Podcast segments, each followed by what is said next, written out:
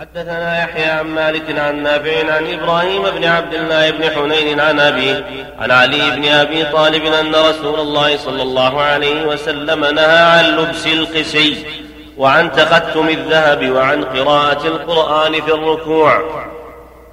وحدثني عن مالك عن يحيى بن سعيد عن محمد بن إبراهيم بن الحارث التيمي عن أبي حازم التمار عن البياضي أن رسول الله صلى الله عليه وسلم خرج على الناس وهم يصلون وقد علت أصواتهم بالقراءة. فقال إن المصلي يناجي ربه فلينظر بما يناجيه به ولا يجهر بعضكم على بعض بالقرآن.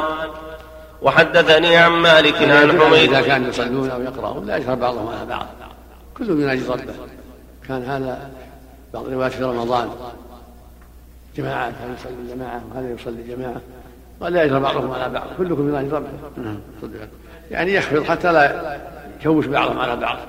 هكذا في الصف الصفوف لا يجهر يخفض حتى لا يشوش على المصلين والقراء.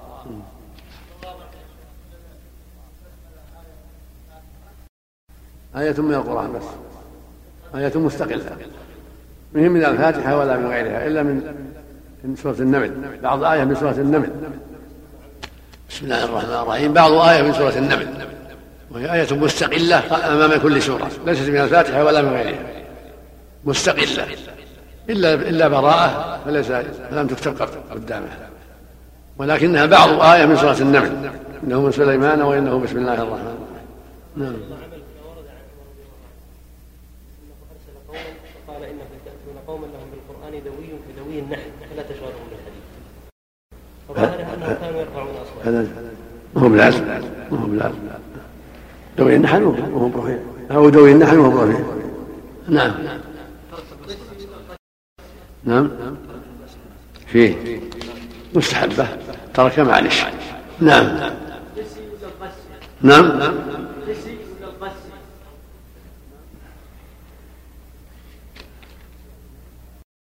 نعرف انها قسي ثياب فيها خطوط حرير فيها أمثال الترج قد يكون ضبطها أحد بالكسر ضبطها عندك قسي إي نعم عن لبس القسي. نعم. اللبس القسي. نعرف بفتح القاف ضبطها بالكسر نعم بفتح القاف وتشديد السين والياء المكسورة. بس. مكسورتين نعم. هذا معروف فتح القاف نعم نعم رفع الاصوات في القراءه في الصلاه أو في خارج الصلاه نعم. كان واحد سن وجلس يقرأ بعد إذا كان إذا كان يجتمع له فلا بأس يرفع صوته يسمعون أما مع الصف والناس قد لا يستمعون له قد يشغلهم ويصلون أو ناس يقرؤون حوله لا. يخفض لا يجهر. يراعي يراعي المصلحة. إن كان يستمع له فلا بأس. إن كان لا يستمع له حول ناس يقرؤون لا يجهر عليهم. أو يصلون لا يجهر عليهم. نعم. الله عنك يا شيخ. لبس البرانس. لا بأس. ثياب المغربية هذه غالة مغربية لها لها رؤوس. لا بأس. نعم. وحدثني عن مالك عن حميد الطويل عن أنس بن مالك أنه قال قمت وراء أبي بكر وعمر وعثمان فكلهم كان لا يقرأ بسم الله الرحمن الرحيم إذا افتتح الصلاة. يعني يسرون بها كان لا يجهرون بها. نعم. وحدثني عن مالك عن عمه أبي سهيل بن مالك عن أبيه أنه قال كنا نسمع قراءة عمر بن الخطاب عند دار أبي جهم بالبلاط. وحدثني عن مالك عن نافع أن عبد الله بن عمر كان إذا فاته شيء من الصلاة مع الإمام فيما جهر فيه الإمام بالقراءة أنه إذا سلم الإمام قام عبد الله بن عمر فقرأ لنفسه فيما يقضي وجهر. هذا اجتهاد من رضي الله عنه نعم. الصواب ما يقضيه هو اخر صلاته الرسول قال فأتموا وما فاتكم فأتموا. فإن كان فاتحة ثلاث جهر في فيما يقضي في الأولى فيما يقضي ثم أسر في الثنتين. وإن كان فاته ثنتان يسر في الثنتين التي يقضيها. نعم. من العشاء نعم. وحدثني عن مالك عن يزيد بن رومان أنه قال كنت أصلي إلى جانب نافع بن جبير بن مطعم فيغمزني فأفتح عليه ونحن نصلي. نعم. باب القراءة. نعم. صار سم الله بسم الله اليك نعم. بسم الله احسن الله اليك الجهر فيها أحيانا وترك أحيانا السنة السر بها. السنة السر بها. إلا إذا كان مع ناس يخفى عليهم يبين لهم. وإن جهر بعض الأحيان يبين لهم لا بأس لكن السنة السر بها. نعم. نعم.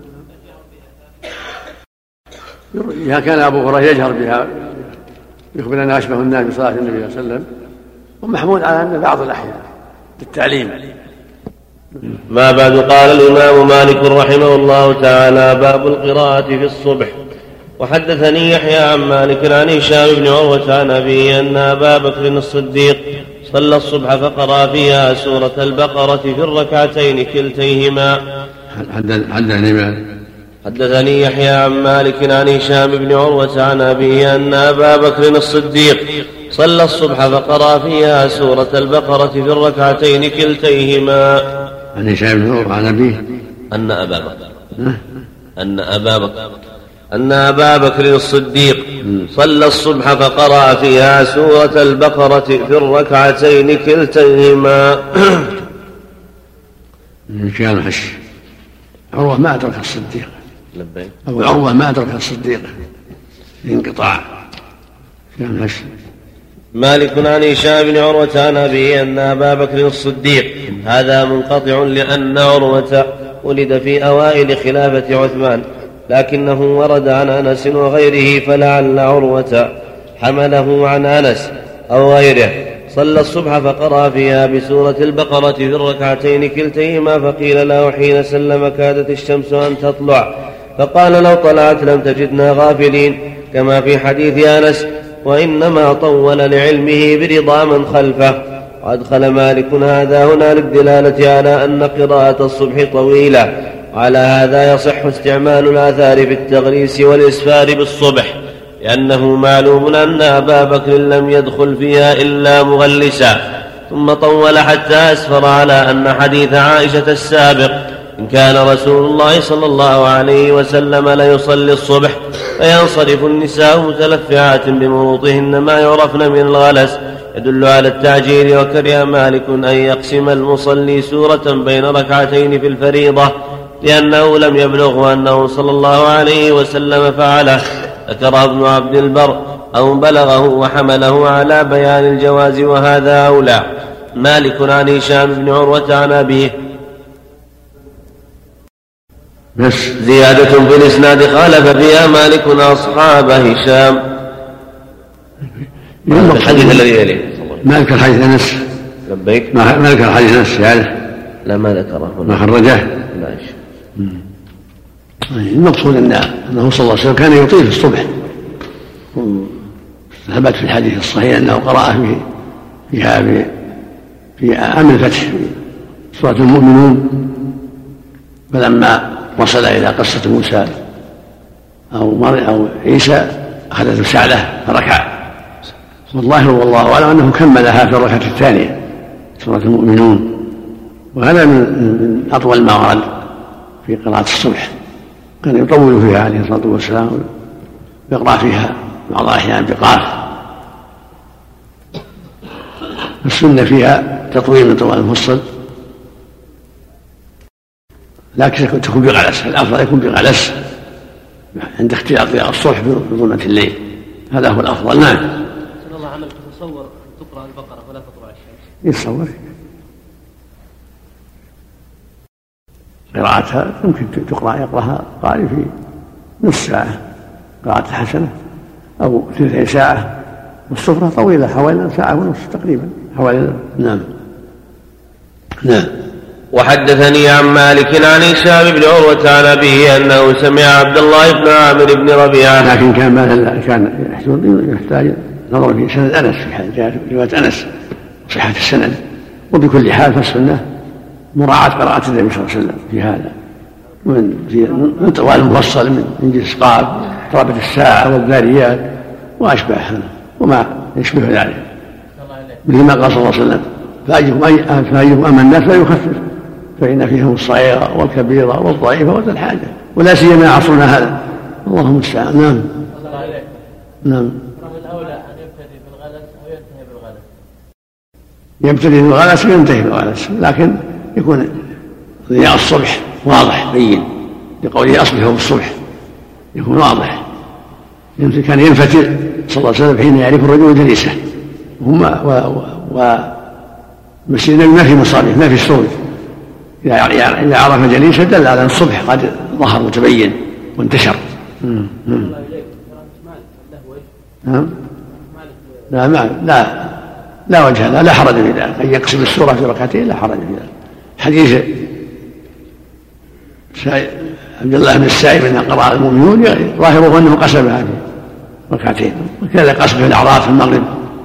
قطع الأعراف وقسمها في الركعتين صلى الله عليه وسلم. فلا حرج في ذلك. ولا كراهة. نعم.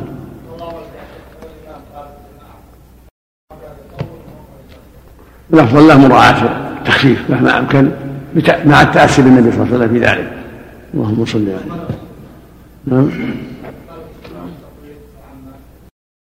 لا السنة يلزم السنة ويلاحظها ويرفق مهما كان من الرفق فهو أولى لأن الناس في غربة الإسلام الآن.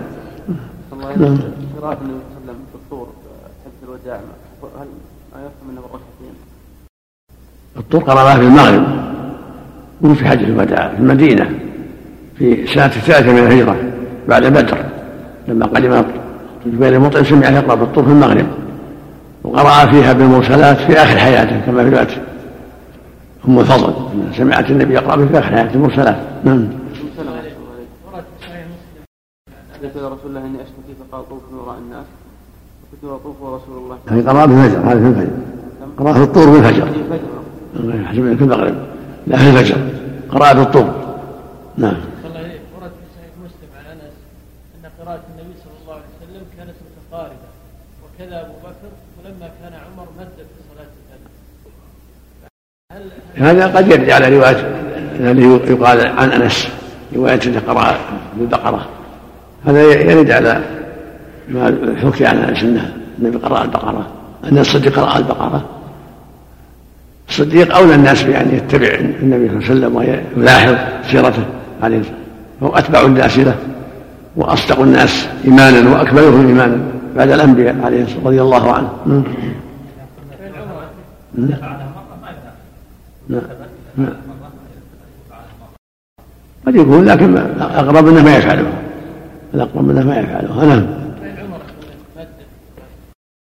اجتهاد اجتهاد. من باب من باب الاجتهاد رضي الله عنه الجميع وارضاهم نعم. وحدثني عن مالك عن هشام بن عروة عن أبيه أنه سمع عبد الله بن عامر بن ربيعة يقول صلينا وراء عمر بن الخطاب الصبح. ينبغي أن يلاحظ قال النبي صلى الله عليه وسلم إن فأيهم أما الناس يخف أيها الناس إن منكم منفرين. يكون على بال قول النبي مقدم على كل أحد على الصديق وعلى عمر وعلى غيره. ينبغي للإمام أن يلاحظ. قول صلى الله عليه وسلم إن منكم منفرين. القول أبلغ من الفعل مع مراعاة السنة في فعله صلى الله عليه وسلم وتحري فعله. لكن الأشياء التي قد يكون فعلها نادرا أو قليلا لا يكون همته ينور الناس يكون يكون الإمام يتحرى شيء فيه الرفق بالناس ومحبته للسنة ومحبته للعبادة ورغبته في العبادة حتى لا يكون من المنفرين نعم. الله إليك. يقول شيخ الإسلام لم يكن من هدي النبي صلى الله عليه وسلم ولا السلف أنهم يقرؤون أواخر السور في الصلوات الجهرية ولا أوساطها. والملاحظ الآن أن الأئمة يكثرون من قراءة أواخر السور ومن أوساطها. الأمر في هذا واسع. أقول الأمر في هذا واسع. الله يقول فاقرأوا ما تيسر منه. الأمر واسع. نعم. وحدثني عن مالك عن هشام بن عروة عن أبيه أنه سمع عبد الله بن عامر بن ربيعة يقول صلينا وراء عمر بن الخطاب الصبح فقرأ فيها بسورة يوسف وسورة الحج قراءة بطيئة. فقلت والله إذا لقد كان يقوم حين يطلع الفجر. قال أجل. قلت. إيش؟ صلى فقلت والله. إيه؟ فقلت والله إذا لقد كان يقوم حين يطلع الفجر. قال أجل. حدثنا حدثني عن مالك عن هشام بن عروة عن أبيه أنه سمع عبد الله بن عامر بن ربيعة يقول صلينا وراء عمر بن الخطاب الصبح فقرأ فيها بسورة يوسف وسورة الحج. قراءة بطيئة فقلت والله إذا لقد كان يقوم حين يطلع الفجر. قال أجل. يعني بكسر نعم. نعم. وحدثني عن مالك عن يحيى بن سعيد وربيعة بن أبي عبد الرحمن عن القاسم بن محمد أن الفرافصة بن عمير الحنفي قال ما أخذت سورة يوسف إلا من قراءة عثمان بن عفان إياها في الصبح من كثرة ما كان يرددها لنا. عن الفرافصة؟ تكلم عن الشيء عليه. عن الفرافصة أن الفراف أن الفرافصة بضم الفاء ثم راء فألف ففاء ثانية. وصاد فصاد مهملة. ابن عمير بضم العين, بضم العين الحنفي. نسبة إلى حنيفة قبيلة من العرب المدني. وثقة العجلي وابن حبان. روى عن عمر وعثمان والزبير. وعنه يحيى وربيعة والقاسم وعبد الله بن أبي بكر وقد وافق اسمه اسم والد زوجة عثمان التي كانت عنده حين قتل واسمها نائلة بنون فألف فياء ماموزة بنت, بنت الفرافصة ابن الأحوص بن عمرو بن ثعلبة الكلبية كما ذكره عمر بن شيبة فهو غير فهو يكفي نعم. بن شبة. نعم. عندي شيبة. نعم. أحسن الله عمل. يعني عمر بن شبة ولا بن شيبة؟ شبه عمر بن شبه. كما ذكره عمر بن شبة. فهذا غير هذا الراوي لأن اسم أبيه عمير ونسبته الحنفي افترقا كما بينه في تعجيل المنفعة. قال ما أخذت سورة يوسف إلا من قراءة عثمان بن عفان إياها في الصبح من كثرة ما كان يرددها. اللهم ارضى عنهم نعم. اللهم أن يكررها يحتمل أن ذلك لحديث إذا له وبشره بالجنة على بلوى تصيبه.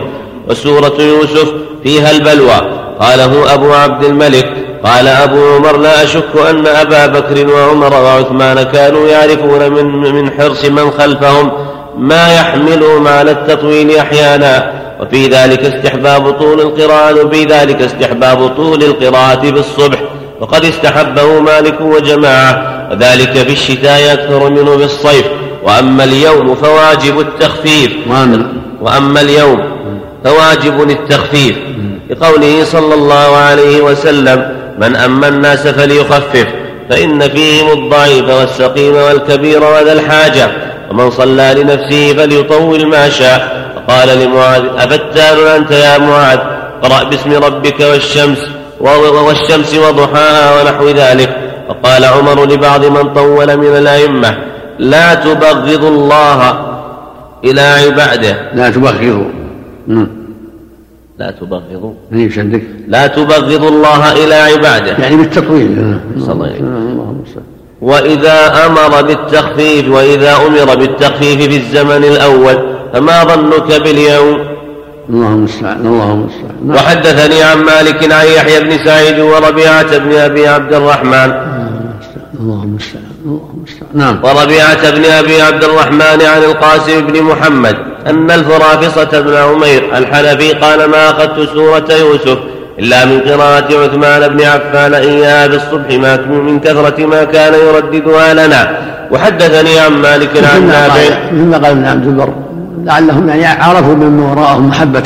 هذا التطويل ورغبته فيه لقوة الإيمان ورغبة الرغبة في سماع القرآن. بخلاف ما صار بعد ذلك اللهم المستعان نعم. يعني يحسن ما حمل عليه أنه رضي الله عنهم رأوا من حولهم لا لا يتأثرون بهذا التطويل. نعم. وحدثني عن مالك عن نافع أن عبد الله بن عمر كان يقرأ في الصبح في السفر بالعشر السور الأول من المفصل في كل ركعة بأم القرآن وسورة. باب ما جاء في أم القرآن. وحدثني يحيى. اللهم صل على ما بعد قال الإمام مالك رحمه الله تعالى باب ما جاء في أم القرآن. وحدثني يحيى عن مالك عن العلاء بن عبد الرحمن بن يعقوب أن أبا سعيد مولى عامر بن كريز أخبره أن رسول الله صلى الله عليه وسلم نادى أبي بن كعب وهو يصلي. فلما فرغ من صلاته لحقه فوضع رسول الله صلى الله عليه وسلم يده على يده. وهو يريد أن يخرج من باب المسجد فقال إني فقال إني لأرجو أن لا, تخرج من المسجد حتى تعلم سورة ما أنزل الله بالتوراة ولا في الإنجيل ولا في القرآن مثلها. قال أبي فجعلت أبطئ في المشي رجاء ذلك ثم قلت يا رسول الله علمني السورة التي وعدتني. قال كيف تقرأ إذا افتتحت الصلاة? قال فقرأت الحمد لله رب العالمين حتى أتيت على آخرها. فقال رسول الله صلى الله عليه وسلم هي هذه السورة وهي السبع المثاني والقرآن العظيم الذي أعطيت. اللهم صل عليه وسلم وحدثني عن مالك عن أبي نعيم وهب بن كيسان أنه سمع جابر بن عبد الله يقول من صلى ركعة لم يقرأ فيها بأم القرآن فلم يصل إلا وراء الإمام. باب القراءة خلف الإمام فيما لا يجهر فيه بالقراءة. وهذه السورة هي أعظم كما جاء في البخاري رحمه الله. هي أعظم سور القرآن وأفضلها سورة الفاتحة. وهي أم القرآن وهي سبع مثاني القرآن العظيم. وهي ركن ركن في كل ركعة في حق الإمام والمنفرد. وفي حق المأمون خلاف الجمهور على أنها لا تجب عليه والأقرب أنها تجب عليه لكن إذا فاته فاته القيام وأدركه الركوع أجزأه للعذر أو إن كان جاهلا أو ناسيا أجزأه. وأما في حق الإمام والمنفرد فإنها ركن لا بد لا بد منها لحديث قوله صلى الله عليه وسلم لا صلاة لمن لم يقرأ بفاتحة الكتاب.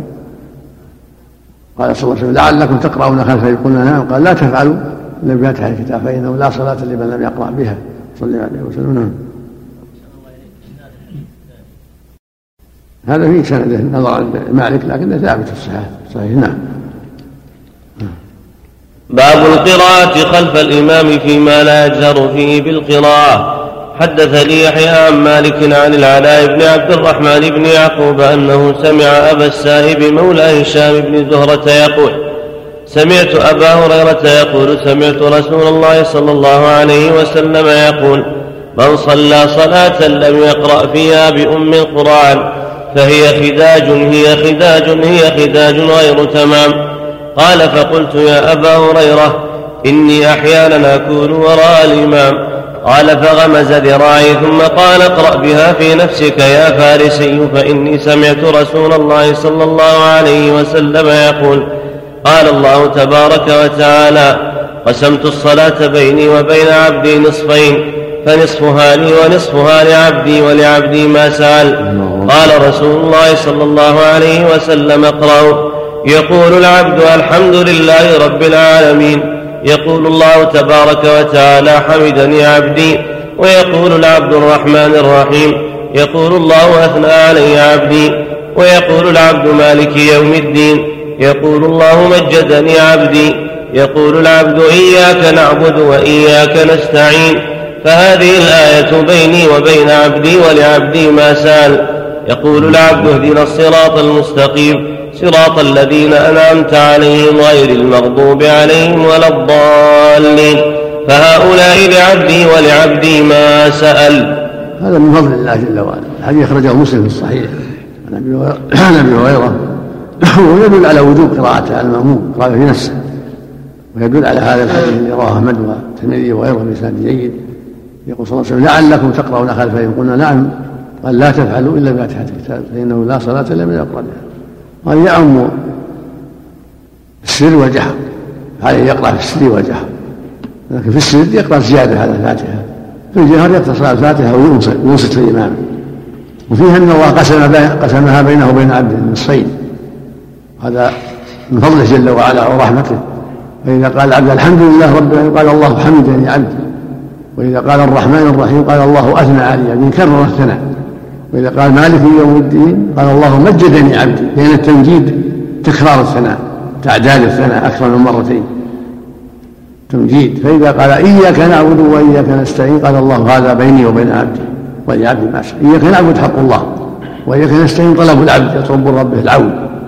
فإذا قال اهدنا الصراط المستقيم صراط الذين أنعمت عليهم غير المغضوب عليهم ولا الضالين يقول هذا لعبدي طلب سؤال. طراعه إلى الله والله يعطيه ما سال وعاده يعطيه الهداية هذا من فضله جل وعلا فينبغي العبد الصدق في هذا والخضوع لله والرغبه التامة.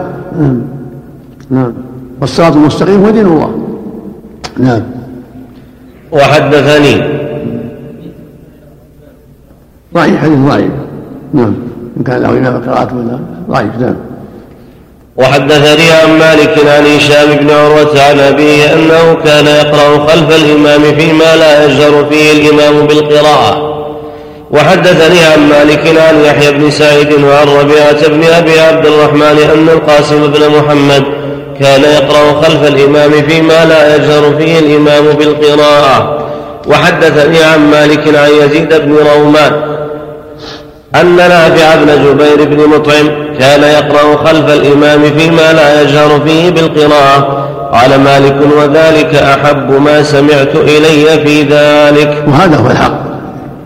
يقرأ فيما لا يجهر فيه لأنه من بالإنصات والنبي صلى الله عليه وسلم نهى أن ينازع القرآن بما جهر فيه. أما فيما أسر يقرأ الفاتحة ويقرأ ما تيسر المأموم.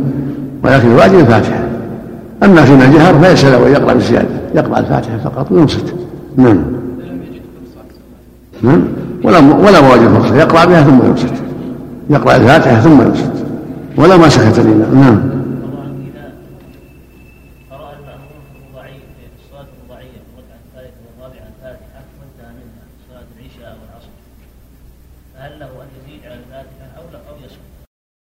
إذا قرأ لا بأس. إذا كان الإمام ما ركع يعني إن سكت فلا بأس وإن قرأ زيادة فلا بأس.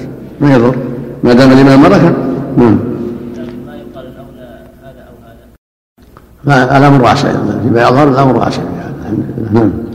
كان الصديق رضي الله عنه يقرأ في الثالثة المغرب بعد الفاتحة ربنا لا تزغ قلوبنا بعد إذ هديتنا وهب لنا من لدنك رحمة إنك أنت الوهاب. المقصود أن هذا الأمر فيه واسع سائح نعم. صلى الله إليك لو أعاد الفاتحة. نعم. لو أعاد الفاتحة. صلى الله عليه وسلم. أو أعادها ما يضر ما يضر. الأمر في هذا واسع. نعم نعم. الأولى بالإمام أن يعطي فرصة المأمومين يقرؤون الفاتحة؟ ما ورد ما ورد في هذا شيء صحيح. يا السكتة بعد الفاتحة ما ورد فيها شيء صحيح. السكتة سكتتان ثابتان سكتة بعد التكبير يقرأ فيها دعاء الاستفتاح والسكتة الأخيرة سكتة لطيفة قبل الركوع. إذا فرغ من القراءة سكت سكتة لطيفة. أما بعد الفاتحة ما ورد فيها شيء ثابت. فإن سكت فلا بأس وإن قرأ فلا بأس.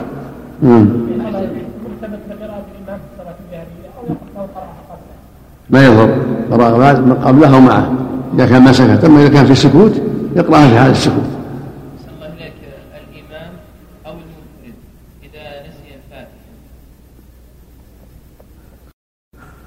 تبطل الركعة التي تركها منها وتقوم الثاني مقامه وياتي بركعة أخرى. أما المامون لا تسقط عنه. نسي قراءة الفاتحة في ركعة ثم سلم فهل ينبه إذا تنبه يأتي بها يقوم ويأتي بركعة يسلم السهو وإما لم يتنبه إلا بعد المطلوب الفصل يعيد وليس عليه إعادة. نعم. نعم. نعم.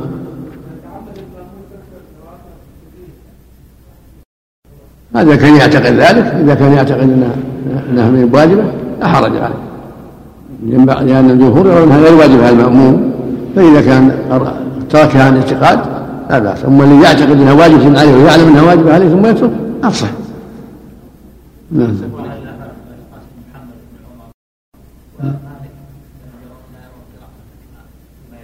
هذا ظاهر هذا ظاهر كلام جابر جماعة يرون هذا. نعم. باب ترك القراءة خلف الإمام فيما يجهر فيه. حدثني يحيى عن مالك عن نافع أن عبد الله بن عمر كان إذا سئل هل يقرأ أحد خلف الإمام قال إذا صلى أحدكم خلف الإمام فحسبه قراءة الإمام وإذا صلى وحده فليقرأ. قال وكان عبد الله بن عمر لا يقرأ خلف الإمام قال يحيى سمعت مالكا يقول الأمر عندنا أن يقرأ الرجل وراء الإمام فيما لا يجهر فيه الإمام بالقراءة ويترك القراءة فيما يجهر فيه الإمام بالقراءة. وحدثني عن مالك عن ابن شهاب عن ابن أكيمة الليثي عن أبي هريرة أن رسول الله صلى الله عليه وسلم انصرف من صلاة جار فيها بالقراءة. فقال هل قرأ معي فقال هل قرأ معي منكم أحد آنفا فقال رجل نعم أنا يا رسول الله. قال فقال رسول الله صلى الله عليه وسلم إني أقول ما لي أنازع القرآن. فانتهى الناس عن القراءة مع رسول الله صلى الله عليه وسلم فيما جار فيه رسول الله صلى الله عليه وسلم بالقراءة. حين سمعوا ذلك من رسول الله صلى الله عليه وسلم. هذا عام استثنى من الفاتحة. لقوله صلى الله عليه وسلم لم يقرأ بفاتحة الكتاب. وقال صلى الله عليه وسلم لما سئل عن الفاتحة أمر بقراءتها. الحاصل أن قراءة الإمام فيما جهر فيه لا شك أنها تمنع القراءة إلا في الفاتحة يجب الإنصات لأن الله يقول وإذا قل القرآن فاستمعوا وأنصتوا هذا الأصل. فلما أمرهم بأن يقرأوا فاتحة الكتاب دل على أنه مستثنى من هذا العموم لقوله صلى الله عليه وسلم العموم لا صلاة لمن لم يقرأ فاتحة الكتاب. هذا عام. ثم قال لعلكم تقرؤون خلف الإمام قلنا نعم. قال لا تفعلوا إلا بفاتحة الكتاب. فإنه لا صلاة لمن لم يقرأ به. خرجه الإمام أحمد والترمذي وابن حبان بأسانيد صحيحة. عن عبادة رضي الله عنه. يقرأ من خلفه ما يسمع. مثل مثل السري بالنسبة إليه. نعم. نعم. باب ما جاء بالتأمين خلف الإمام. بارك قال الإمام مالك رحمه الله تعالى باب ما جاء بالتأمين خلف الإمام. وحدثني يحيى عن مالك عن ابن شهاب عن سعيد بن المسيب وعن سعيد بن المسيب وأبي سلمة بن عبد الرحمن أنهما اخبراه عن أبي هريرة أن رسول الله صلى الله عليه وسلم قال إذا أمن الإمام فأمنوا فإنه من وافق تأمينه تأمين الملائكة غفر له ما تقدم من ذنبه. قال ابن شهاب وكان رسول الله صلى الله عليه وسلم يقول آمين. وحدثني عن مالك عن سمي مولى أبي بكر عن أبي صالح السمان عن أبي هريرة أن رسول الله صلى الله عليه وسلم قال إذا قال الإمام غير المغضوب عليهم ولا الضالين فقولوا آمين فإنه من وافق قوله قول الملائكة غفر له ما تقدم من ذنبه. وهذا يبين لنا أن قوله إذا أمن لا مفهوم له. وأن المقصود يعني إذا قال ولا الضالين فقولوا آمين. حتى لو ما أمن ولهذا قال إذا قال ولا الضالين فقولوا آمين. لكن الغالب أنه يؤمن يعني المفروض في الإمام أنه يتبع السنة. المقصود قوله إذا أمن ليس بشرط وليس له مفهوم. فلو أن الإمام ما سمعوا صوته أو غفل ولم يؤمن أو صوته ضعيف فإن المأموم إذا قال بعض الضالين الإمام يقول آمين. ولو ما سمع صوت الإمام ولو ما سمع الإمام يقول آمين. ولهذا قال إذا قال غير المغضوب عليهم فقولوا آمين. فإنه وفق تأمين ما تقدم. نعم.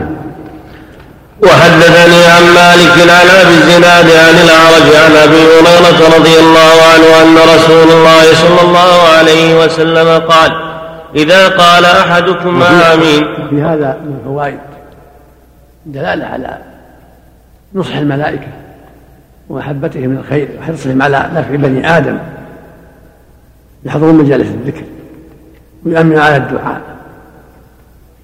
على دعاء المسلمين اهدنا الصراط المستقيم. يؤمنون أن الله يقبل هذا الدعاء من نصحهم العظيم. وهكذا ذكر الله عنهم هذا النصح والخير العظيم. في سورة طائف ويستغفر الذين آمنوا ربنا وسعت كل شيء رحمة فاغفر للتاب واتبعوا سبيله. ذكر الله عن حملة العرش ومن حوله. كل هذا من دلالة نصحهم محبتهم الخير عليهم الصلاة والسلام. نعم. المراد موافقة التأمين بعد الله. موافقة التأمين والتأمين مثل ما واضح. يعني أمن وصار وافقة مثل يعني معناه الحرص على أنه يقول عنده قول ولا الضالين يقول ولا عنده قول ولا الضالين. يحرص أن يكون كذلك حتى يتفق التأمين. نعم. نعم. نعم. المعروف عند العلماء سنة أن الأمر هنا للسنية وقول الوجوب قول قوي لأن الرسول قال أمر قال إذا قال فقولوا آمين ظاهر الأمر الوجوب لكن نعرف عند أهل العلم أنه السنية نعم. ما هو الصالح يا شيخ؟ ما ما أعرف شيء ما ما أعرف صالح. قريبا من الإمام. نعم. إذا كان المأمون قريبا من الإمام ويعلم أن الإمام يؤمن فهل إذا كان يريد موافقة الإمام فإذا أمن الإمام إذا قبل الله فقل مثل ما قال صلى الله عليه وسلم فقولوا آمين. نعم. ولا يحتاج ينتظر ولا يتسمع. نعم. وحدثني عن مالك عن أبي الزناد عن الأعرج عن أبي هريرة رضي الله عنه أن رسول الله صلى الله عليه وسلم قال إذا قال أحدكم آمين وقالت الملائكة في السماء آمين فوافقت إحداهما الأخرى غفر له ما تقدم من ذنبه. وحدثني عن مالك. حدثني عن مالك عن أبي الزناد عن الأعرج عن أبي هريرة رضي الله عنه أن رسول الله صلى الله عليه وسلم قال إذا قال أحدكم آمين وقالت الملائكة في السماء آمين فوافقت إحداهما الأخرى غفر له ما تقدم من ذنبه. وحدثني عن مالك عن سمي مولى أبي بكر عن أبي صالح السمان عن أبي هريرة رضي الله عنه أن رسول الله صلى الله عليه وسلم قال إذا قال الإمام سمع الله لمن حمده فقولوا اللهم ربنا لك الحمد فإنه من وافق قوله قول الملائكة غفر ما تقدم من ذنبه. الموافقة شرط نعم. صلى الله إليك الموافقة. ظاهر السياق أو ظاهر ظاهر الحديث نعم. باب العمل في الجلوس في الصلاة. وحدثني يحيى عن مالك عن مسلم بن أبي مريم عن علي بن عبد الرحمن المعاوي أنه قال رآني عبد الله بن عمر وأنا. الشارع تكلم شيء في السنية والوجوب. في وافق لا فيما يتعلق. أمنوا هل حاجة الوجوب والسنة ولا ما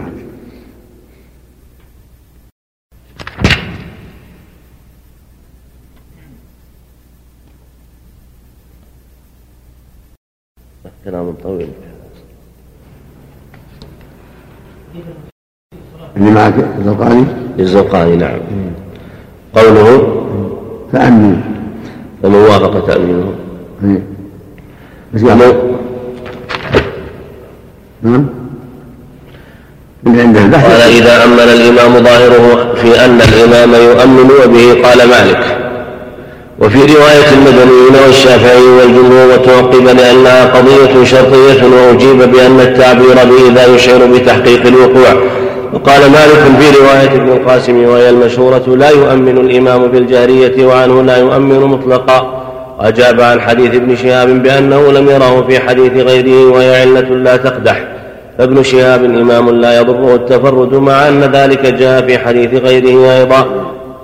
ورجح بعض المالكية كون الإمام لا يؤمن من جهة المعنى بأنه داع فناسب أن يختص المأموم بالتأمين. هذا يجيء على قولهم لا قراءة على المأموم ما على قول من أوجبها فله أن يقول كما اشتركا في القراءة ينبغي أن يشتركا في التأمين. ومنهم من أول قوله إذا أمن معناه دعا. وتسمية الداعي مؤمنا سائغة كما في قوله أجيبت دعوتكما وكان موسى داعيا وهارون وهارون مؤمنا. رواه ابن مردويه. من حديث أنس ورد بعدم الملازمة. فلا يلزم من تسمية المؤمن داعيا عكسه قال ابن عبد البر. والحديث لا يصح ولو صح فكون هارون داعيا تغليب وقيل معنى أمن بلغ موضع التأمين كما يقال أنجد بلغ نجدا وإن لم يدخلها وقال ابن العربي هذا بعيد لغة وشرعا وقال ابن دقيق العيد. هذا مجاز فإن وجد دليل يرجحه عمل به انتهى.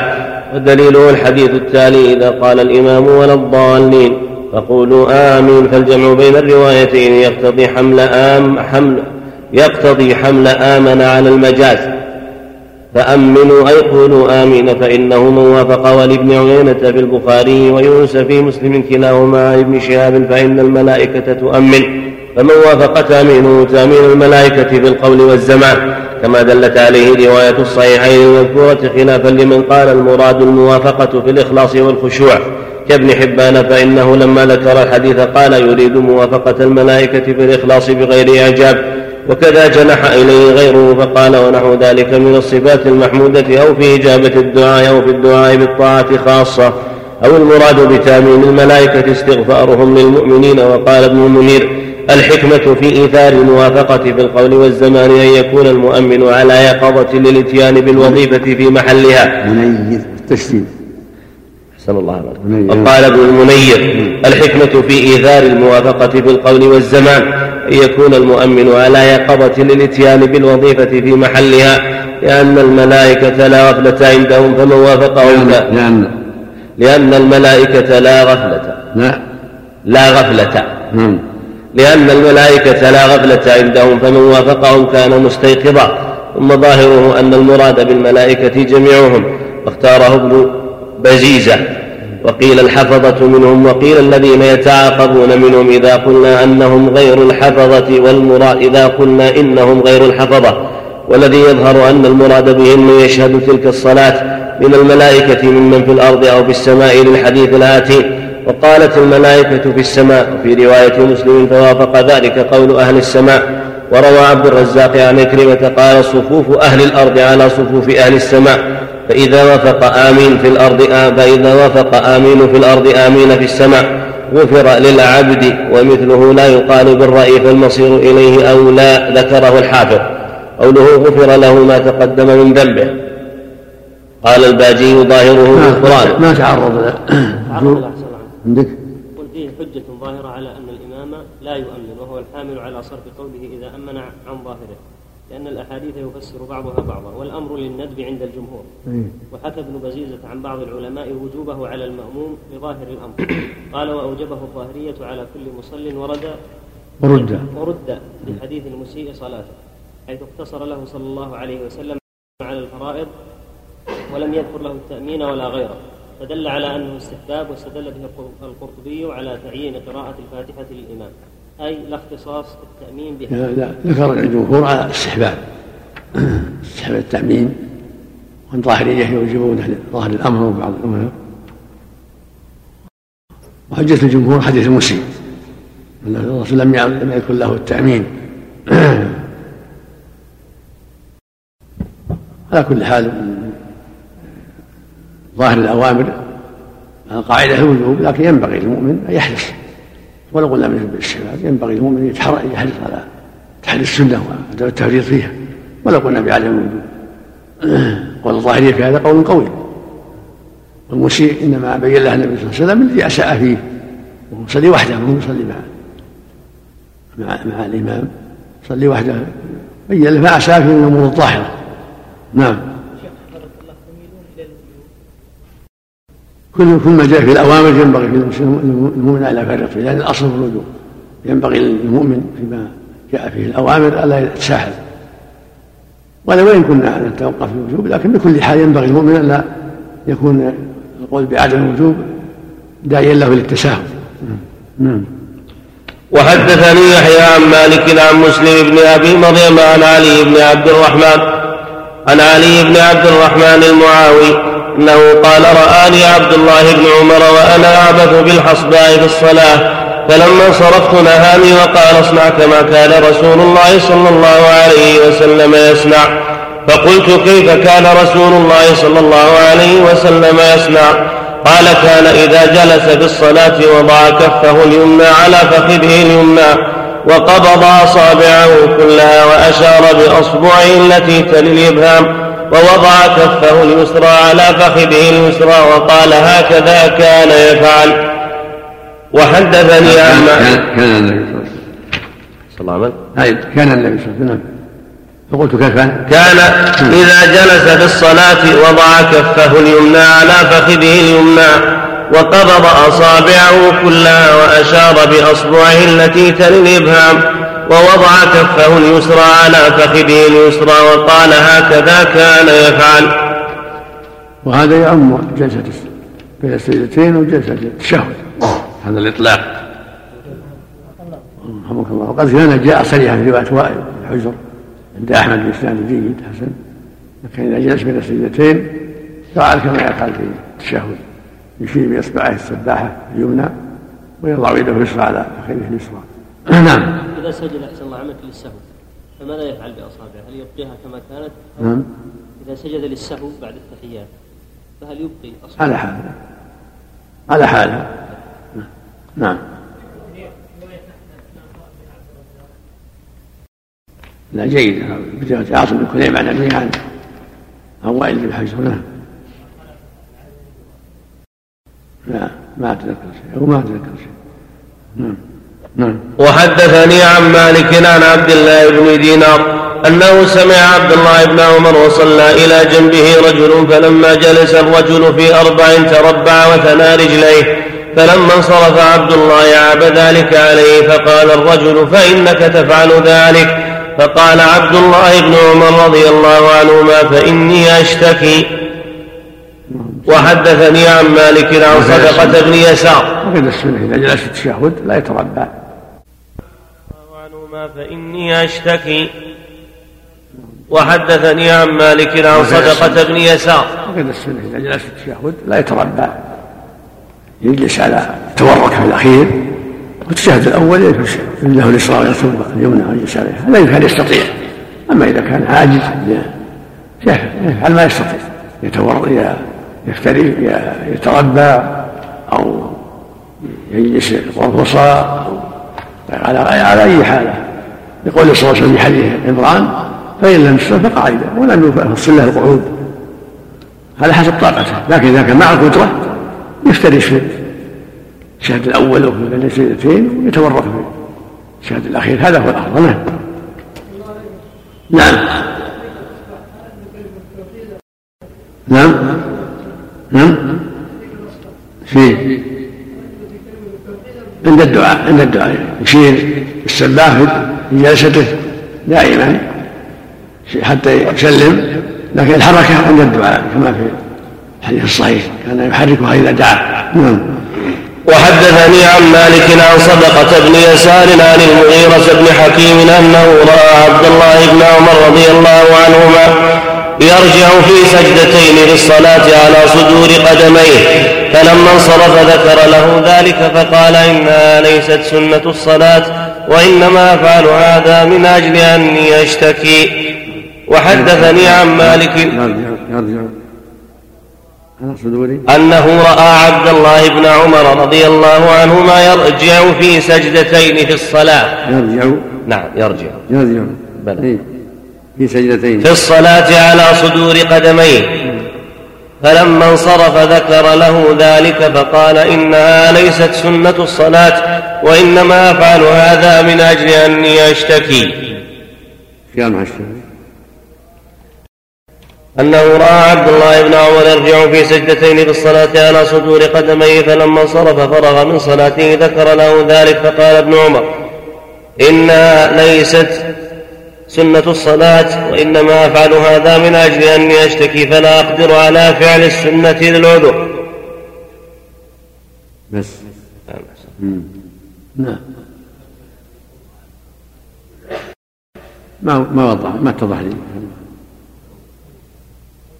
لأن لأن القيام على سنة القدم الأصابع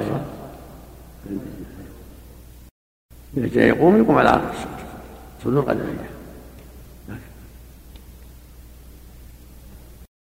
ما ما فهمت ما ذكر. ما ما تكلم؟ ما ذكر إلا الحديث هذا. وحدثني عن مالك عن عبد الرحمن بن القاسم عن عبد الله بن عبد الله بن عمر أنه أخبره أنه كان يرى عبد الله بن عمر يتربع في الصلاه إذا جلس قال ففعلته وأنا يومئذ حديث السن. فنهاني عبد الله وقال إنما سنة الصلاة أن تنصب رجلك اليمنى وتثني رجلك اليسرى فقلت له فإنك تفعل ذلك فقال إن رجلي لا تحملان نعم مثل ما أخبرت عائشة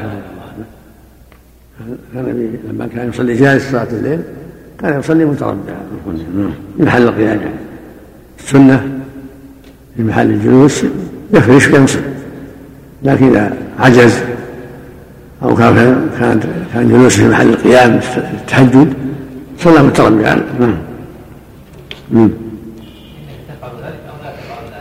تفعل ذلك. يتربع يعني مثل ما كان يجلس متربعا لاجل ما تحمل رجليه ما يفترش. فابن عمر عبد الله بن عبد الله تأسى بأبيه فجلس متربعا فنهاها قال لا استعش لأنك شاب تستطيع.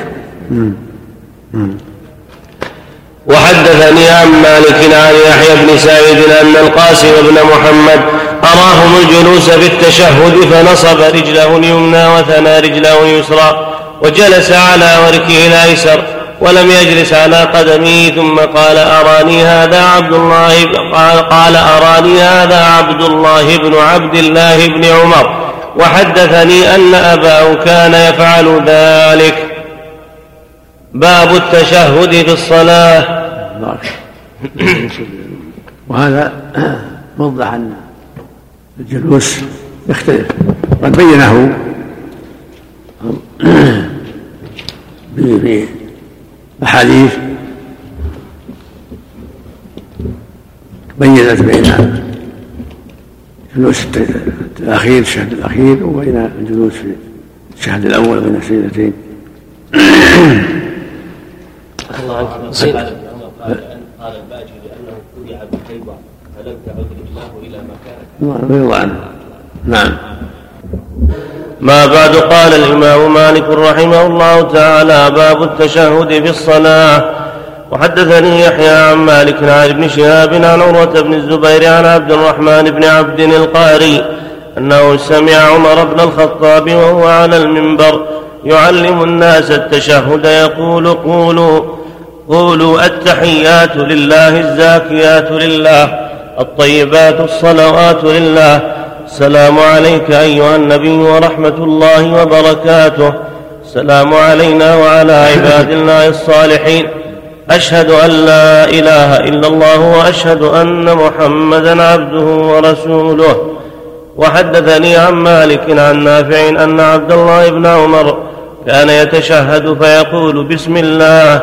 التحيات لله الصلوات لله الزاكيات لله. السلام على النبي ورحمة الله وبركاته. السلام علينا وعلى عباد الله الصالحين. شهدت أن لا إله إلا الله. شهدت أن محمدا رسول الله. يقول هذا في الركعتين الأوليين ويدعو إذا قضى تشهده بما بدا له. فإذا جلس في آخر صلاته تشهد كذلك أيضا إلا أنه يقدم التشهد ثم يدعو بما بدا له.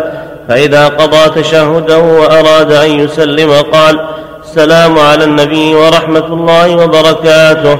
السلام علينا وعلى عباد الله الصالحين. السلام عليكم عن يمينه ثم يرد على الإمام. فإن سلم عليه أحد عن يساره رد عليه. وهذا يدل على أن لفظ الزاكيات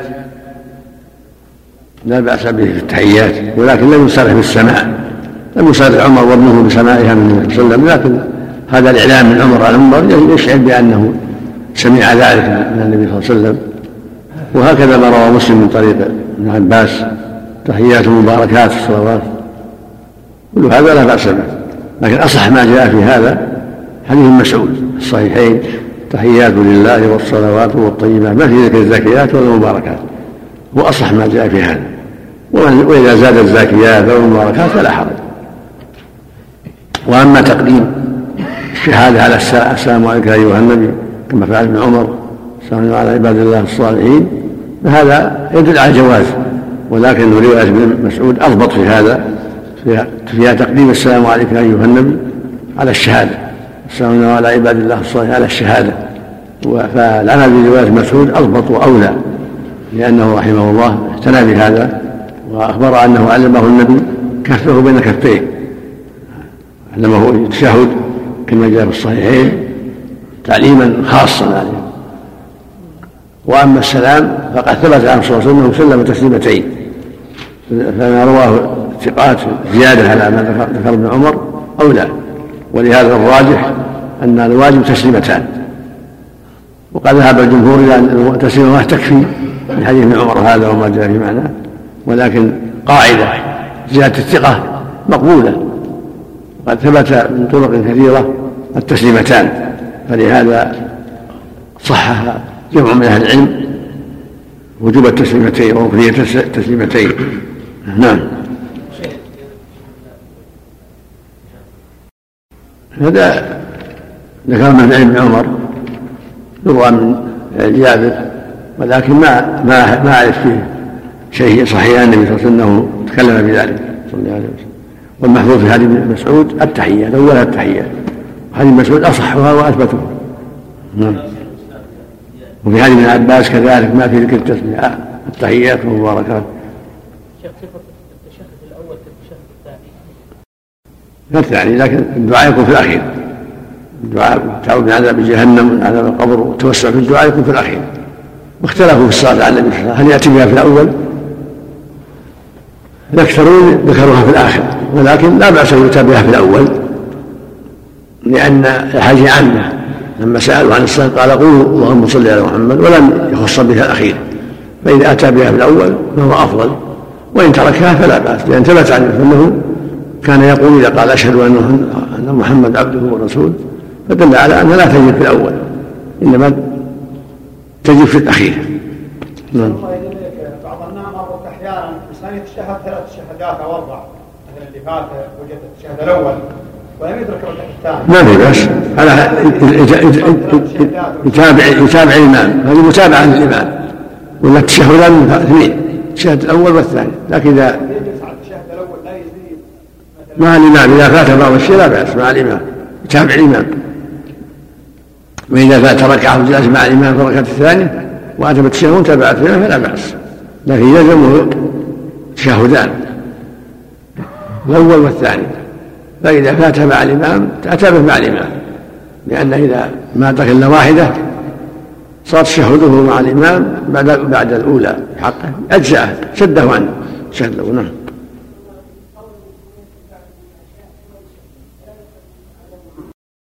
نعم. نعم.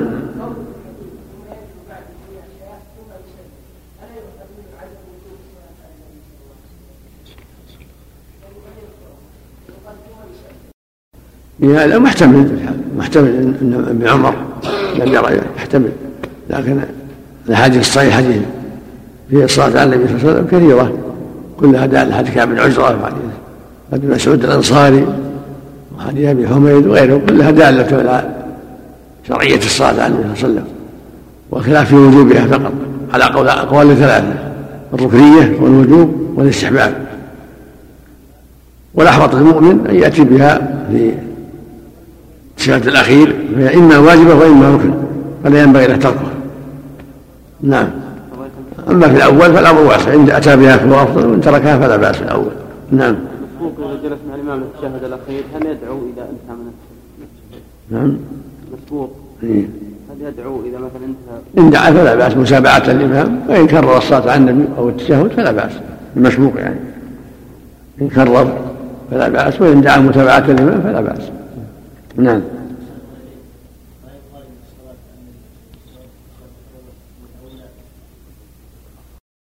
لا شك للعموم هذا هو الأفضل. الشهد الأول هو الأفضل. لأن الرسول عمم ما قال قولوا في الشهد الأخير. قال قولوا اللهم صل على محمد ولم يقل لهم الشهد الأخير أطلق. وفي حديث ماذا كيف نصلي عليه إذا صلى عليك في صلاتنا؟ قال قولوا اللهم صل على محمد. فلما لم يقيد دل على أنه لا بأس أن يقال في الشهد الأول. بل, بل هو المشروع. إنما الخلاف في الوجوب. نعم.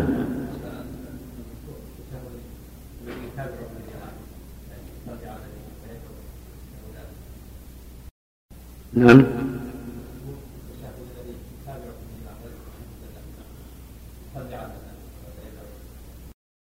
لا معنى أقول لا معنى الصلاة والدعاء متابعة. لأن تشهد الصلاة تشهدان وما زاد هو متابعة الإمام نعم.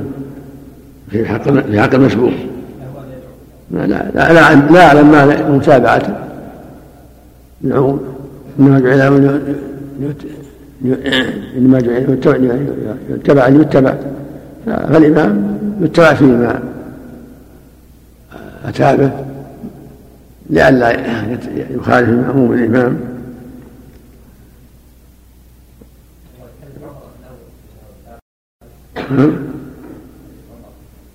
سند جيد نعم. سند صحيح.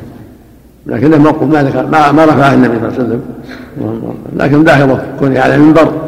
يقتضي انه ثابت عن النبي صلى الله عليه وسلم مثل هذا ما يجتري عليه عمر من كيسة يظهر أنه من ما سمعه من النبي صلى الله عليه وسلم لأن خطب به الناس على المنبر وكان يأمرهم بذلك وفيه الزاكيات نعم. وهم وهم مشروع.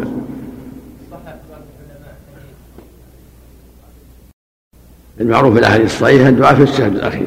كان يدعو في الشهد الأخير عليه الصلاة والسلام نعم نعم. وحدثني عن مالك عن عبد الرحمن بن القاسم عن أبيه عن عائشة زوج النبي صلى الله عليه وسلم أنها كانت تقول إذا تشهدت التحيات الطيبات الصلوات الزاكيات لله أشهد أن لا إله إلا الله وحده لا شريك له وأن محمدا عبده ورسوله السلام عليك أيها النبي ورحمة الله وبركاته. السلام علينا وعلى عباد الله الصالحين. السلام عليكم. وحدثني عن مالك عن يحيى بن سعيد الأنصاري عن القاسم بن محمد أنه أخبره أن عائشة زوج النبي صلى الله عليه وسلم كانت تقول إذا تشهدت التحيات الطيبات الصلوات الزاكيات لله. أشهد أن لا إله إلا الله وحده لا شريك له وأشهد أن محمدا عبد الله ورسوله. السلام عليك. السلام عليك أيها النبي ورحمة الله وبركاته. السلام علينا وعلى عباد الله الصالحين. السلام عليكم. وحدثني عن مالك أنه سأل ابن شهاب ونافعا مولى ابن عمر عن رجل دخل مع الإمام في الصلاة وقد سبقه الإمام بركعة أيتشهد معه في الركعتين والأربع وإن كان ذلك له وترا فقالا ليتشهد معه. قال مالك وهو الأمر عندنا. يعني متابعة الإمام يتابع به متابعة الإمام نعم. نعم. باب ما يفعل من رفع رأسه قبل الإمام. باب. باب ما يفعل من باب ما يفعل من رفع رأسه قبل الإمام. حدثني يحيى. يفعله إيش؟ من رفع رأسه. نعم.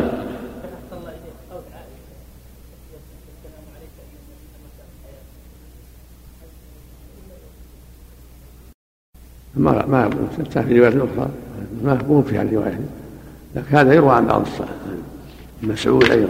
السلام على النبي. بدل عليك قال السلام على النبي. والصواب أنه يؤتى به بعد وفاته في حياته. السلام عليكم يطلع من باب الاستحضار. ولهذا علمهم النبي هذا ولم يقل لهم إذا غبتم قولوا السلام عليكم.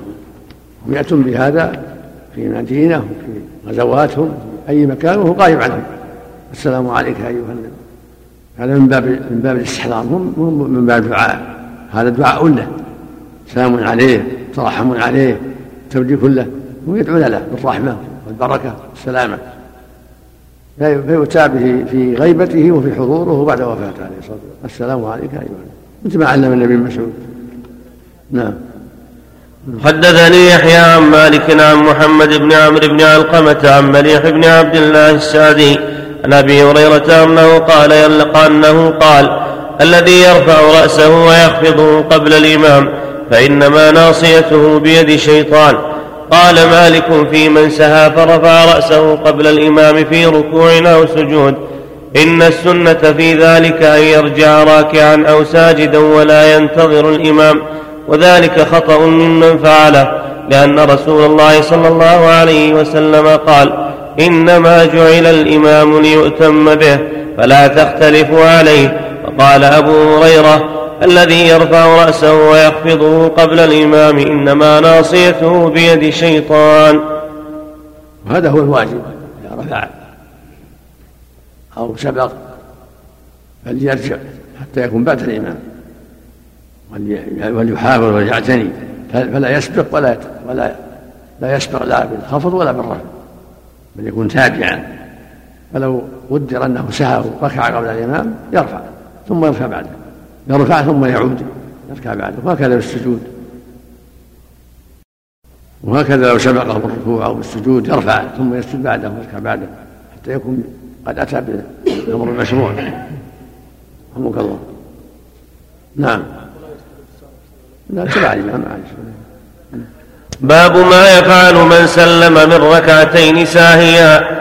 حدثني يحيى عن مالك عن أيوب بن أبي تميمة السختياني عن محمد بن سيرين عن أبي هريرة رضي الله عنه أن رسول الله صلى الله عليه وسلم انصرف من اثنتين فقال له ذو اليدين. لكن هذا الذي سهى إذا كان مسبوق يسجد السهو إنما إذا كان مع الإمام لا يسجد السهو يتحمل الإمام لكن إذا كان مسبوق وسهى يسجد بعد قضاء ما عليه. نعم.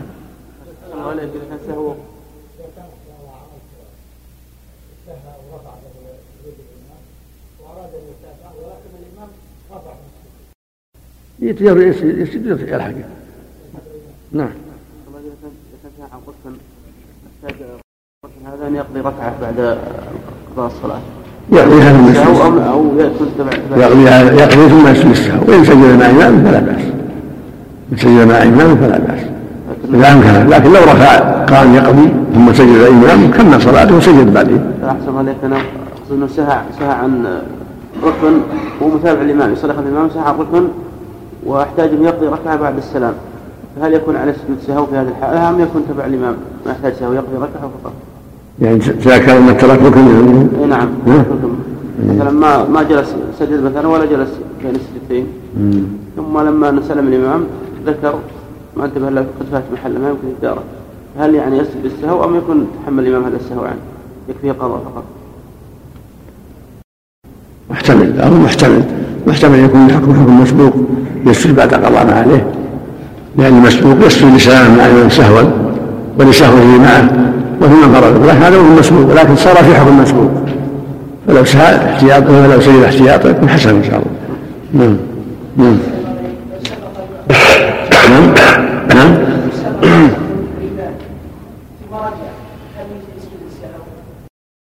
إذا كان من أول الصلاة ما أول الصلاة؟ لا. تحمله الإمام أما إذا كان مسبوق ركعة أو أكثر يسجد السهو بعد بعد انتهاء ما عليه بعد قضاء ما عليه بعد التكبير يعني. وحدثني يحيى عن مالك عن أيوب بن أبي تميمة السختياني. مسبوق يسجد لسلام لسلام يسجد للسهو يعني لسلامه مع إمام السهو هذه واحدة. ولسهوه معه اثنتين ولسهوه فيما ورد يسجد في هذه الأعواد الثلاث المسبوق يعني خاصة. إذا ساهم مع إمام سجد إذا قضى ما عليه سلم مع سهوا ثم انتبه يقضي ويسجد السهو سهى من فرد به كذلك يسجد السهو نعم. عن محمد بن سيرين عن أبي هريرة رضي الله عنه أن رسول الله صلى الله عليه وسلم انصرف من اثنتين فقال له ذو اليدين أقصرت الصلاة أم نسيت يا رسول الله؟ فقال رسول الله صلى الله عليه وسلم أصدق ذو اليدين فقال الناس نعم. فقام رسول الله صلى الله عليه وسلم فصلى ركعتين أخريين ثم سلم ثم كبر فسجد مثل سجوده أو أطول ثم رفع ثم كبر فسجد مثل سجوده أو أطول ثم رفع. وحدثني عن مالك عن داود بن الحصين. يعني إذا سلم عن سهو. ثم نبه يكمل صلاته. ثم إذا فرغ منها وسلم يسجد السهو أفضل يكون سجوده بعد السلام كما فعل النبي صلى الله عليه وسلم. نعم. النبي صلى الله عليه وسلم إياه باليدين يقول له طول في يديه طول. نعم. لقب لقب بهذا. مثل ما يقال الأعرج والأعمش إذا عرف بهذا لا بأس. نعم. صلى الله عملك إذا سبح المأمون. وهم على سبيل العيب على سبيل التعريف. نعم. صلى الله إليك إذا سبح المأمون بالإمام. حال قيامه إلى خامسة. أو إلى رابعة في المغرب. يلزمه الجلوس يلزمه الجلوس ولو أنها قد ركع يلزمه العودة ويجلس. يتشهد ويكمل صلاته. وإن لم يرجع الإمام. نعم لا يتابعونه. ينتظرون حتى يجلس ثم يسلمون معه. نعم. الله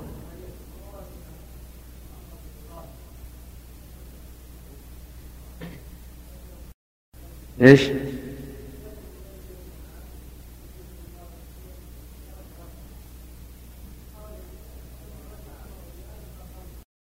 هذا هذا حديث عمران بن حصين المحفوظ أنه صلى من غير إقامة.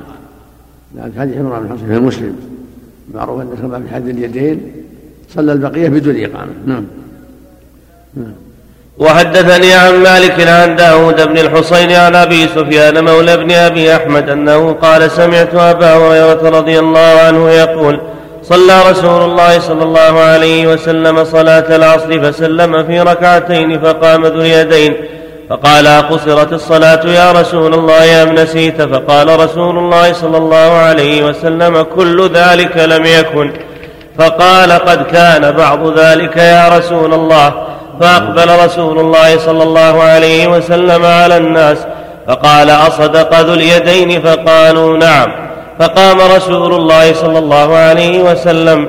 فأتم ما بقي من الصلاة ثم سجد سجدتين بعد التسليم وهو جالس. وحدثني عن مالك. اللهم صل عليه وسلم نعم. نعم. ثم يسلم. بعد سجود السهو. نعم. نعم. وحدثني عن مالك عن ابن شهاب عن أبي بكر بن أبي سليمان بن أبي حثمه قال بلغني أن رسول الله صلى الله عليه وسلم ركع ركعتين من إحدى صلاتي النهار الظهر أو العصر.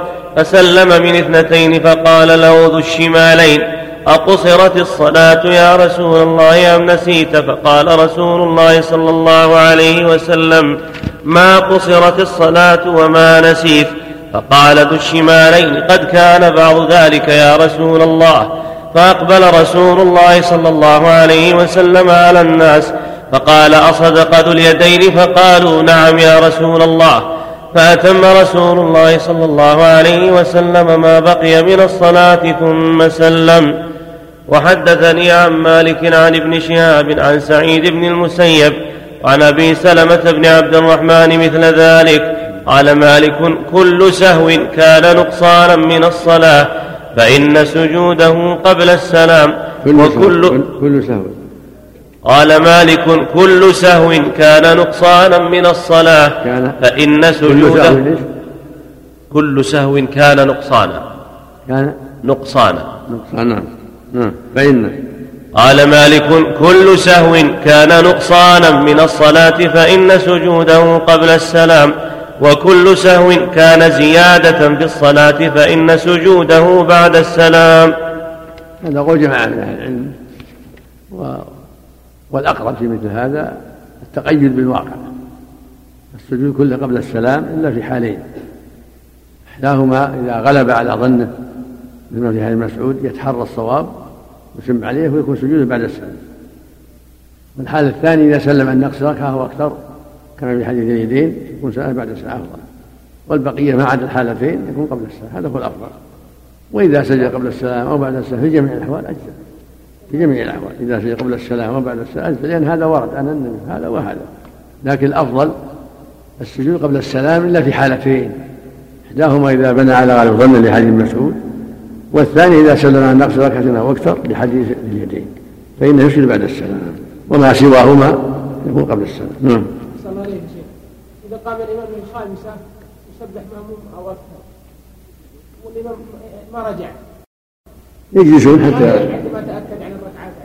نعم. بقية المؤمنين اللي ما تأكدوا عن يتابعونه اللي ما عندهم خبر يتابعونه واللي عندهم يقين يجلسون حتى يسلم هم يسلموا معه نعم. عفى الله عنك المسبوق. نعم. المسبوق أحسن الله عملك الذي لم يدري بأن هناك سهو فإذا سلم الإمام ظن أن الصلاة انتهت. وإذا به يفاجأ بالإمام يسجد. ماذا يفعل؟ إذا سلم إذا قضى ما عليه يسجد السهو إذا قضى ما عليه المسروق سجد للسهو نعم. الله يا شيخ. إذا سجد بالسجود السهو يسلم فورا أو يدعو.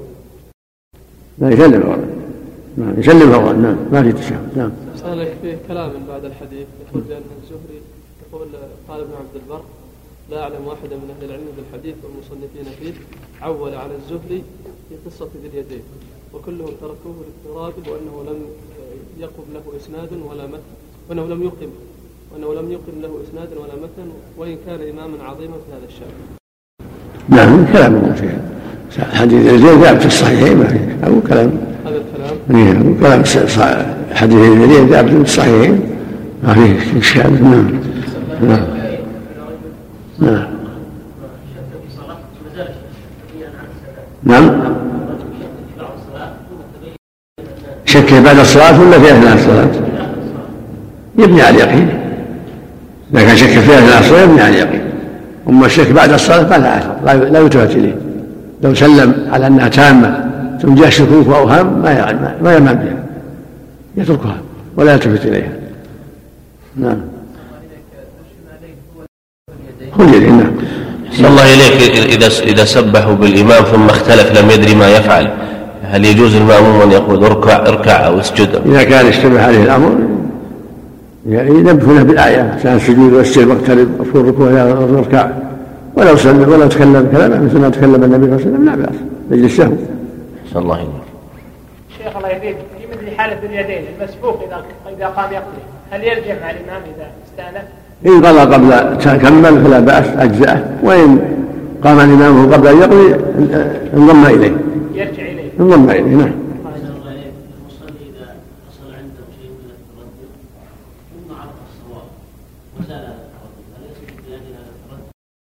إن كان عمل معه شيء سجد السهو. كان ما عمل معه شيء ما يحتاج شيء. كان بنى على اليقين وجلس في التشهد الأول مثلا ثم ذكر بعد أن ما أخطأ يسجد السهو لأنه عمل به أعمال عمل به أعمال نعم لو هو في الفؤاد ثم اتضح الأمر ما صار شيء.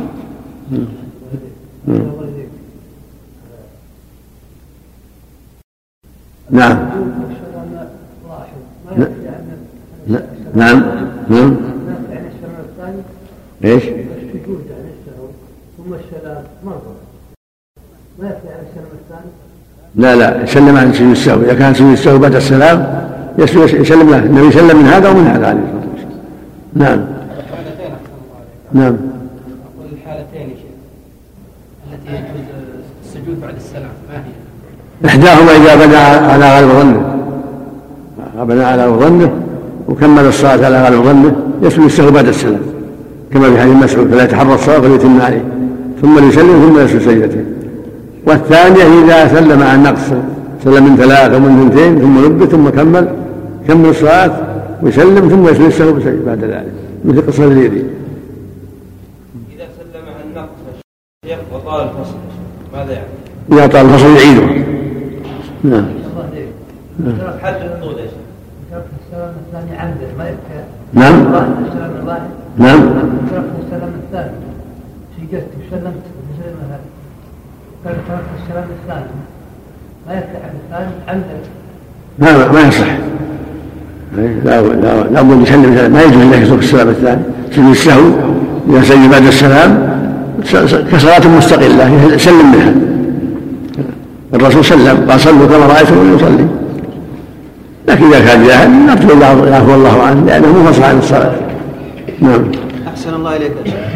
إذا سلم الإمام عن نقص ثم خرج السرعان الذين يسرعون. يعلمون يعيدونها بعد ما خرجوا بفترة. يعلمون يعيدونها بعد يعلمون يعيدون. إذا علم عادوا. ولو بعد فترة. ولو بعد سنة. إذا سلم الإمام وعليه وكان سلامه بعد السلام فسلم فأحدث قبل السجود يقول العلماء يسقط عن السجود السهو إذا أحدث أو طال الفصل سجد سقط. نعم ما بعد قال الإمام رحمه الله تعالى في الموطأ باب إتمام المصلي ما ذكر إذا شك في صلاته وحدثني يحيى عن مالك عن زيد بن أسلم عن عطاء بن يسار أن رسول الله صلى الله عليه وسلم قال إذا شك أحدكم في صلاته فلم يدر كم صلى أثلاثا أم أربعا فليصلي ركعة وليسجد سجدتين وهو جالس قبل التسليم. فإن كانت الركعة التي صلى خامسة شفعها بهاتين السجدتين وإن كانت رابعة فاستجدتان ترغيم للشيطان. وحدثني عن هذا الحديث وصله مسلم عن أبي سعيد الخدري رضي الله عنه. فقال صلى الله عليه شك أحد من صلاته فلم يدرك صلى ثلاثة أربعة فليطرح الشك ولم ما استيقن ثم يسجد سجدتين قبل أن يسلم. فإن كان صلى خمسا شفعنا له صلاته. وإن كان صلى تماما كانتا ترغيبا للشيطان وهذا هو الواجب عند الشك. إذا شك المصلي هل صلى اثنتين أو ثلاث المغرب أو الرباعية جعلها اثنتين. وهكذا لو شك هل صلى ثلاثا أربعا جعلها ثلاثا وبنى على اليقين ثم كمل. ثم سجد سجدتين قبل أن يسلم. نعم. نعم. جعلها شفع يعني جعلت الصلاة شفع نعم. وحدثني عن مالك عن عمر بن محمد بن زيد عن سالم بن عبد الله أن عبد الله بن عمر رضي الله عنهما كان يقول إذا شك أحدكم في صلاته فليتوخى الذي يظن أنه نسي من صلاته فليصلح وحدثنا وحدثني عن مالك عن عمر بن محمد عن عن عمر بن محمد بن زيد عن سالم بن عبد الله أن عبد الله بن عمر رضي الله عنهما كان يقول إذا شك أحدكم في صلاته فليتوخى الذي يظن أنه نسي من صلاته فليصلي ثم ليسجد سجدتي السهو وهو جالس. وحدثني وهذا معنى حديث مسعود. البناء على غالب الظن. يتحرى الصواب فليتم عليه ثم يسجد ثم يسلم ثم السجدتين قبل بعد السلام. لأن الشاك له حالات حالة يكون فيها متردد ليس عنده ظن غالب. هذا يبني على اليقين فإذا شك هذا هما ثنتان ثلاث جعلها ثنتين. وإذا شك هذا ثلاث أربع جعلها ثلاثة. ثم كمل. ثم سجد قبل أن يسلم. الحال الثاني يكون عنده غلبة الظن. يغلب على ظنه أنه صلى ثلاثا يبني على هذا ويأتي بالرابعة. ويسلم ثم يرفع السهو بعد السلام يكون سجود بعد السلام. وهذا معنى حديث مسعود. كما في رواية البخاري ثم فليتحرى الصواب فليتم عليه ثم يسلم ثم يسجد سجدتين. نعم. وحدثني عن مالك عن عفيف بن عمرو السهمي عن عطاء بن يسار أنه قال سألت عبد الله بن عمرو بن العاصي وكعب الأحبار عن الذي يشك في صلاته فلا يدري كم صلى ثلاثا أم أربعا فكلاهما قال ليصلي ركعة أخرى ثم ليسجد سجدتين وهو جالس. وحدثني عن مالك عن نافع أن عبد الله بن عمر كان إذا سئل عن النسيان في الصلاة قال ليتوخى أحدكم الذي يظن أنه نسي من صلاته فليصلح. باب من قام بعد الإمام أو في الركعتين. حدثني يحيى عن مالك. باب. باب من قام بعد الائتمام أو في الركعتين. حدثني يحيى عن مالك. باب من قام إيش؟ باب من قام بعد الائتمام بعد الائتمام بعد بعد الإتمام. صلى الله عليه وسلم. باب من قام بعد الإتمام أو في الركعتين. حدثني يحيى. عن مالك عن ابن شهاب عن الأعرج عن عبد الله بن بحينة أنه قال صلى لنا رسول الله صلى الله عليه وسلم ركعتين ثم قام فلم يجلس فقام الناس معه فلما قضى صلاته ونظرنا تسليمه كبر ثم سجد سجدتين وهو جالس قبل التسليم ثم سلم. وحدثني عن مالك عن يحيى بن سعيد عن عبد الرحمن بن هرمز عن عبد الله بن بحينة أنه قال صلى لنا رسول الله صلى الله عليه وسلم الظهر فقام في اثنتين ولم يجلس ولم يجلس فيهما فلما قضى صلاته سجد سجدتين ثم سلم بعد ذلك. قال مالك في من سعى في صلاته فقام بعد إتمامه الأربع فقرأ ثم ركع فلما رفع رأسه من ركوعه ذكر أنه ذكر أنه قد كان أتم أنه يرجع فيجلس ولا يسجد ولو سجد إحدى السجدتين لم أر أن يسجد الأخرى. ثم إذا قضى صلاته فليسجد سجدتين وهو جالس بعد التسليم. وهذا هو الواجب إذا ترك الشهد الأول ناسيا فإنه يكمل صلاته ويسجد سجدتين قبل أن يسلم سجدتين السهو. وهكذا لو ترك تسبيح الركوع والسجود ناسيا أو قرب في من السجدتين ناسيا. الحكم واحد في الواجبات. يسجد سجدتين قبل أن يسلم. ويكفي هذا والحمد لله. أما إذا زاد يعني قام في الرابعة في المغرب أو إلى ثالثة في الفجر أو الجمعة أو إلى خامسة في الرباعية ثم تذكر أو نبه يرجع. متى نبه؟ ولو بعد القراءة ولو بعد الركوع يرجع ويجلس. ولو بعد السجدة الأولى لا السجدة الثانية. يجلس يتشهد قراءة التحيات. فإذا كمل التشهد كله مخير إن شاء سجد قبل السلام كما جاء في حديث ابن بحينة وغيره. وإن شاء سجد بعد السلام لأنها زيادة زادها في الصلاة فأشبه الذي سلم عن صلاته عن نقص. كما قصد اليدين. من أهل العلم من قال الزيادة لا حكم ما قال ما جرى في قصة النبي صلى الله عليه وسلم لما سلم عن نقص. فيكون بعد السلام ومنهم من رأى السجود قبل السلام إلا في حالتين وهذا أظهر. جميع السجود يكون قبل السلام لأنه من تمامها إلا في حالتين. إحداهما إذا سلم عن نقص ركعة أو أكثر لقصة اليدين في حديث أبي هريرة وعمران لما سلم النبي صلى الله عليه وسلم عن اثنتين في حديث اليدين وفي حديث عمران عن ثلاث. فإنه كمل وسلم ثم سجد السهو بعد ذلك. هذا هو الأفضل يكون سجد بعد السلام. والحال الثانية إذا بنى على غالب ظنه إذا بنى على غالب ظنه وتخوى وتوخى وبنى على غالب ظنه فإنه يكمل ويسلم ثم يسجد سجدتين بعد السلام. هذا هو الأفضل. ومتى سجدهما قبل السلام؟ أجزأته نعم.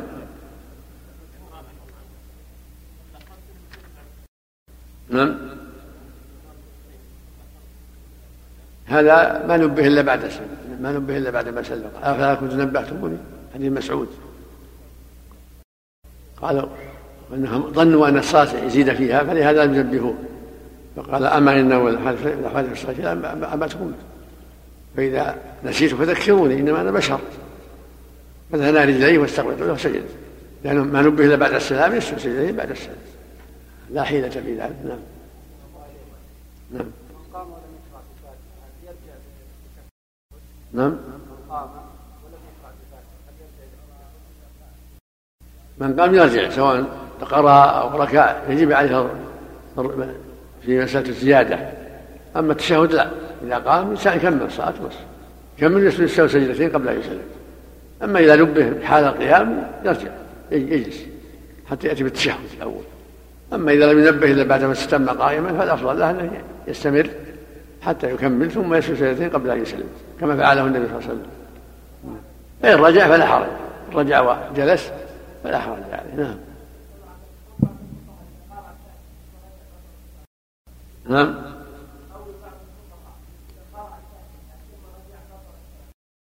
إذا كان يعلم الحكم وما كان جاهل ما يضر. إذا كان يعلم الحكم ولو وجهه لأنه يلزمه الإسلام حينئذ لما شرع في القراءة يلزمه أن يستمر سقط أمره لأن الرسول لم يرجع بعد ما قام لم يرجع استمر حتى كمل. سجد السهو عليه الصلاة والسلام أما لو رجع جاهلا بالحكم لا يضر. نعم. نعم.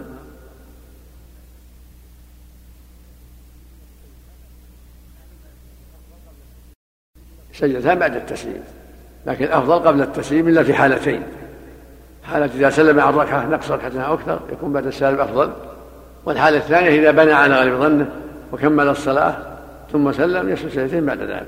إذا بنى على غالب ظنه كما في حديث مسعود نعم. نعم. بعد السلام أفضل. نعم. نعم. نعم.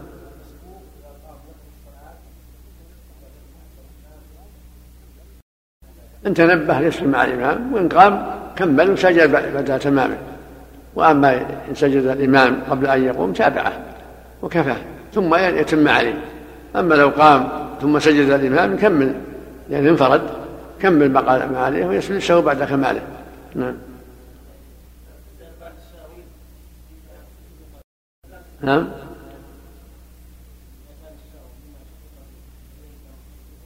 نعم. نعم. يقول العلماء يسلم مسبوق لسلامه مع إمامه سهوا ولسهوه معه وفي من فرد به نعم.